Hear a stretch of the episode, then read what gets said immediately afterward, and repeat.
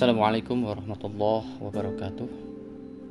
Bismillah, Alhamdulillah, wala hawla wala quwata illa billah. Sahabat sekalian yang dirahmati Allah subhanahu wa ta'ala Masih bersama saya, Reza Ageng Dalam program Kuliah Dasar Islam.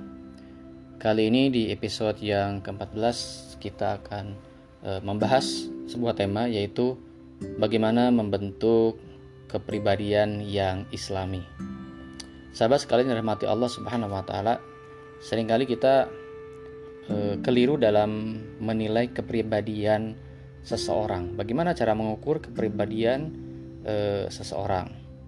Di dalam dunia yang dihegemoni oleh nilai-nilai barat seperti sekarang ini, terkadang kepribadian itu hanya dinilai dari misalnya e, penampilan.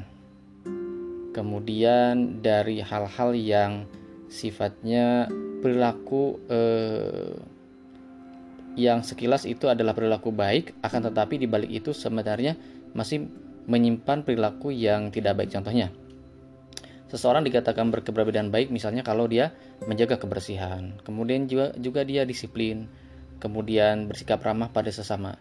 Tapi pada saat yang sama dia misalnya meminum minuman keras. Atau kalau dia muslim pada saat yang sama dia tidak sholat misalnya.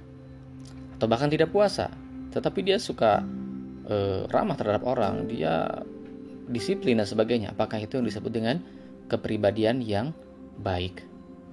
Juga kadang kepribadian diukur dari misalnya faktor pendidikan, faktor strata sosial.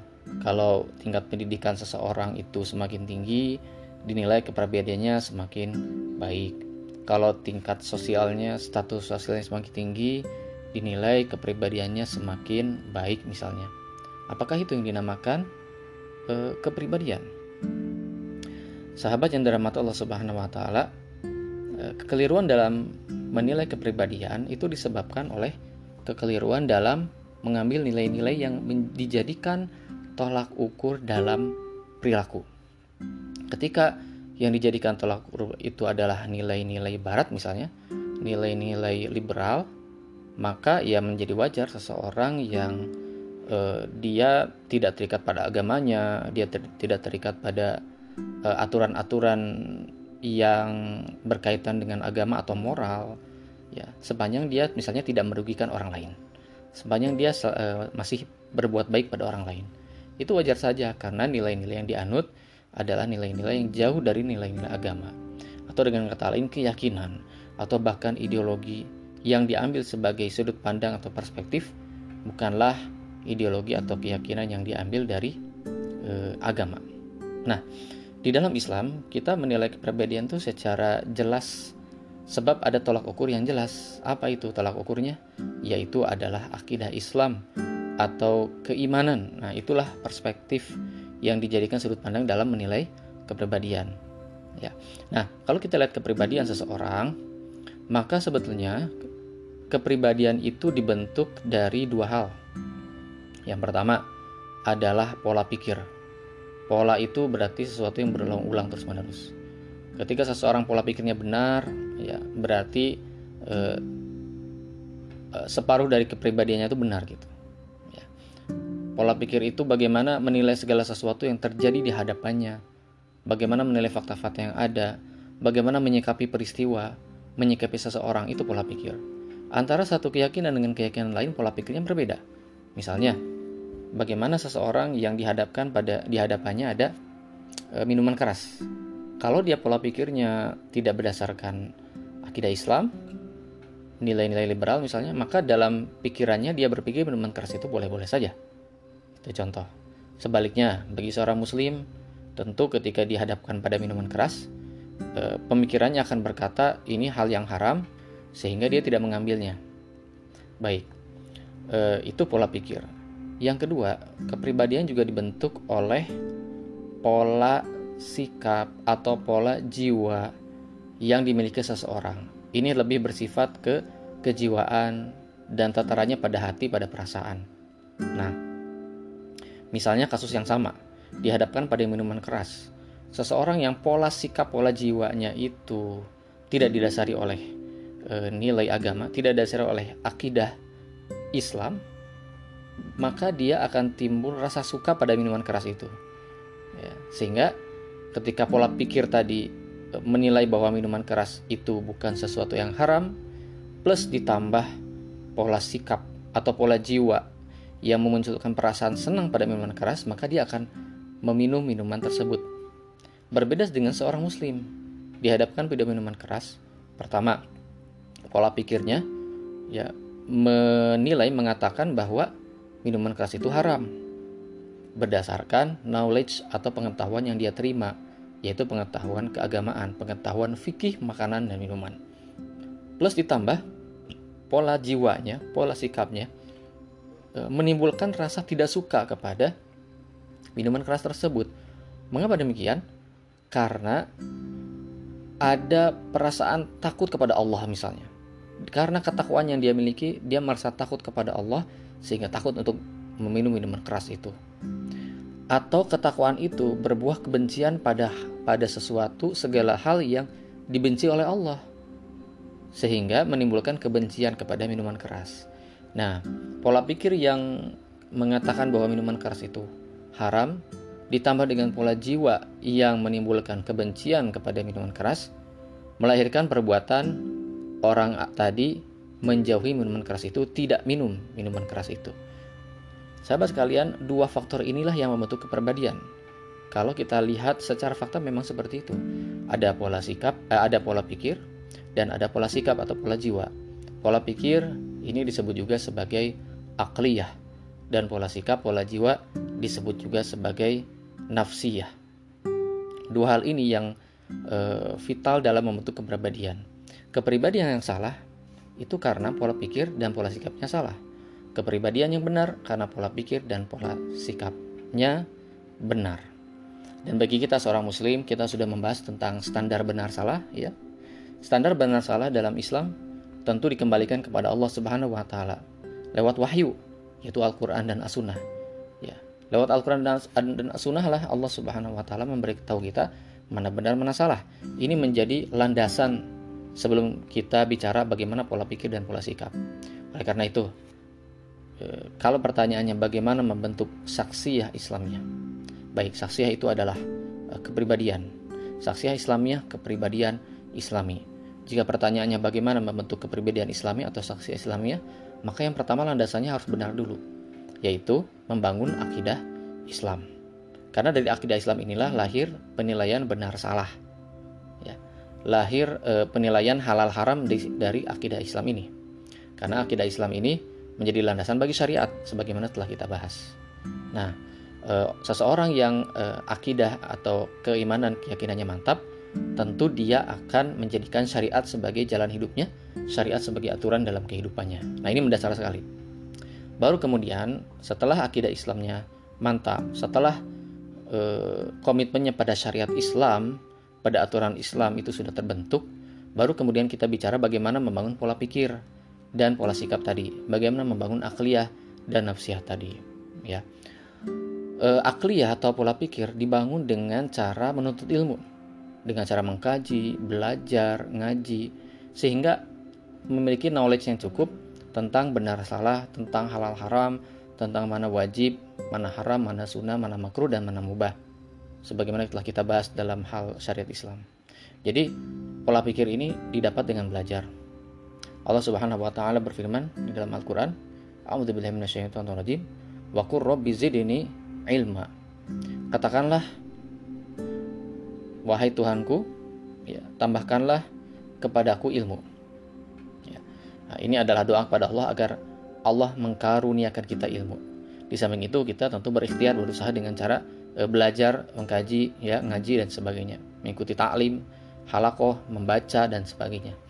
Nah, ini adalah untuk membentuk akliyah dan e, ini penting karena tanpa akliyah ini kita tidak tahu mana benar mana salah sehingga kepribadian ini menjadi rancu kalau kita nggak tahu benar dan salah. Baik yang kedua, bagaimana membentuk nafsiyah Islamiyah? Nah, nafsiyah Islamiyah, pola jiwa, pola rasa, pola sikap itu dibentuk dengan cara uh, semak apa, membangun kedekatan kita dengan Allah, membangun takarub dengan Allah Subhanahu wa taala. Baik dengan cara melaksanakan ibadah wajib, tentu ini harus wajib bagi seorang muslim, tidak boleh tinggalkan. sholat wajib, puasa di bulan Ramadan, ya, dan sebagainya. Maupun eh, dan ini cukup membantu sekali yaitu dengan membiasakan diri mengamalkan hal-hal yang sunnah. Misalnya melaksanakan sholat sunnah, puasa sunnah, dan sebagainya. Ini disebut juga sebagai ibadah nafilah. Dan Allah Subhanahu wa taala mencintai orang-orang yang melaksanakan ibadah nafilah. Jadi hal yang wajib dan yang sunnah dilaksanakan. Selain itu dengan terus e, mendawamkan zikir kepada Allah. Zikir artinya terus mengingat Allah. Atau dengan kata lain idraksillah billah.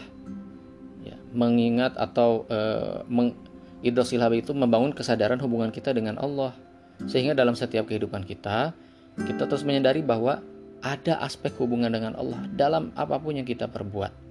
Ya, kita makan, kita minum, ada aspek hubungan dengan Allah. Kita bermasyarakat, ada aspek hubungan dengan Allah. Sehingga eh, dalam setiap perbuatan kita ingat bahwa Allah selalu melihat, Allah selalu mengawasi, dan akhirnya kita timbul rasa takut.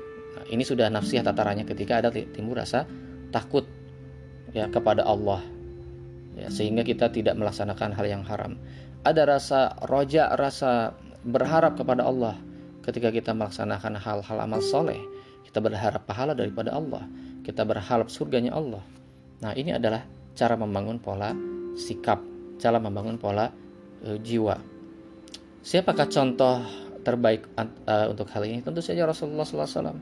Siti Aisyah radhiyallahu anha mengatakan bahwa akhlak Rasulullah SAW adalah Al-Quran dan juga para sahabat. Al-Quran menjelaskan tentang karakter para sahabat.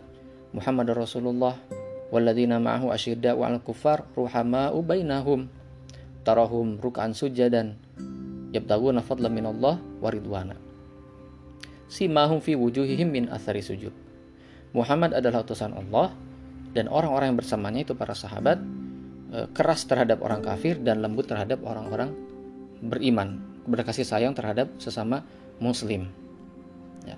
Mereka kalian akan lihat mereka itu selalu bersujud, berruku, selalu ibadah kepada Allah.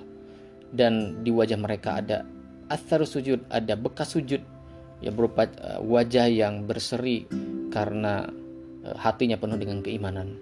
Inilah uh, karakter para sahabat, kepribadian para sahabat yang dibentuk oleh uh, pola pikir dan pola sikap yang benar, akliyah dan nafsi yang benar.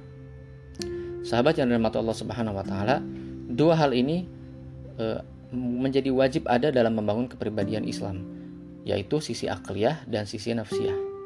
Kalau salah satu aspeknya saja tidak ada, maka akan menjadi pincang. Contoh, jika pola pikir atau akliyahnya itu sudah islami, tetapi nafsiyahnya tidak islami, maka dia hanya pada tataran pengetahuan, mengetahui mana halal, mana haram, tapi tidak tergerak perasaannya untuk melaksanakan yang halal atau mengambil yang halal dan untuk menjauhi yang haram. Misalnya dia paham bahwa minuman keras itu haram karena dia punya pengetahuan tentang hal itu. Tetapi karena pola sikapnya, nafsiyahnya tidak dibangun, bisa jadi dia malah minum minuman keras tersebut. Padahal dia tahu itu haram. Kenapa? Mungkin karena diajak oleh temannya, mungkin karena tergoda oleh eh, ya lezatnya minuman keras itu sehingga dia tetap minum minuman keras walaupun dia tahu itu haram. Ini menjelaskan kenapa banyak orang yang melaksanakan hal yang diharamkan Allah padahal dia tahu itu haram. Itu karena nafsianya tidak kuat. Sebaliknya juga, ketika nafsiahnya itu terbangun tetapi akalnya tidak terbangun, maka uh, akan timbul perasaan semangat untuk taat tetapi tidak tahu apa yang harus dilaksanakan atau bahkan keliru dalam melaksanakan uh, ketaatan. Ya, misalnya uh, puasa tapi tidak buka gitu. Ya puasa sehari semalam. Nah, itu kan tidak disyaratkan oleh Allah. Tapi hanya berdasarkan apa? Misalnya semangat untuk beribadah. Itu lahir dari nafsiyah ya. Itu contoh saja. Ya misalnya juga eh, sholat eh, subuh empat rakaat misalnya. Malah menjadi bid'ah ya kenapa karena itu tidak disyaratkan sholat subuh hanya dua rakaat saking semangatnya saking kuatnya nafsiyahnya. Nah ini nafsiyah yang keliru tentu saja e, karena tidak didasari, tidak didasari oleh ilmu. Maka ilmu atau dalam hal ini aspek akliyah dan e, nafsiyah, aspek kejiwaan ini dua-duanya harus klop untuk membangun kepribadian Islam yang tentu saja tadi diawali didasari dilandasi oleh akidah Islam. Maka seseorang yang memiliki saksi Islamiyah akan berbuat berbuah akhlak dalam dirinya. Ya, pada tataran inilah kita mengenal misalnya sifat eh, jujur, sifat eh, amanah ya. Dan sifat-sifat lainnya yang termasuk ke dalam akhlak-akhlak mulia. Ya, bertutur kata yang baik, ya. Memuliakan tamu, berbakti pada orang tua, murah senyum pada sesama, dermawan pada sesama ini sifat-sifat yang melekat ketika seseorang telah memiliki saksiyah Islamiyah atau kepribadian Islam. Karena yang disebut sifat itu adalah sesuatu yang melekat, bukan dibuat-buat, bukan seketika, tapi sesuatu yang melekat pada diri seseorang ya, yang yang mana itu menjadi inherent dalam dirinya. Sehingga dalam keadaan spontan dia tetap berperilaku seperti itu. Itu namanya sifat. Maka seseorang yang jujur pada keadaan apa pun dia akan jujur bukan karena dia sedang uh, punya kebutuhan pada orang lain. Seseorang dermawan pada keadaan apa pun akan dermawan. Itulah sifat. Dan sifat-sifat ini, akhlak-akhlak mulia ini lahir dari saksi Islamiyah, kepribadian Islam yang dibangun dengan dua hal, akliyah dan nafsiyah yang dilandasi oleh akidah Islam. Demikian, semoga bermanfaat. Kurang lebihnya mohon maaf. Minkum. Wassalamualaikum warahmatullahi wabarakatuh.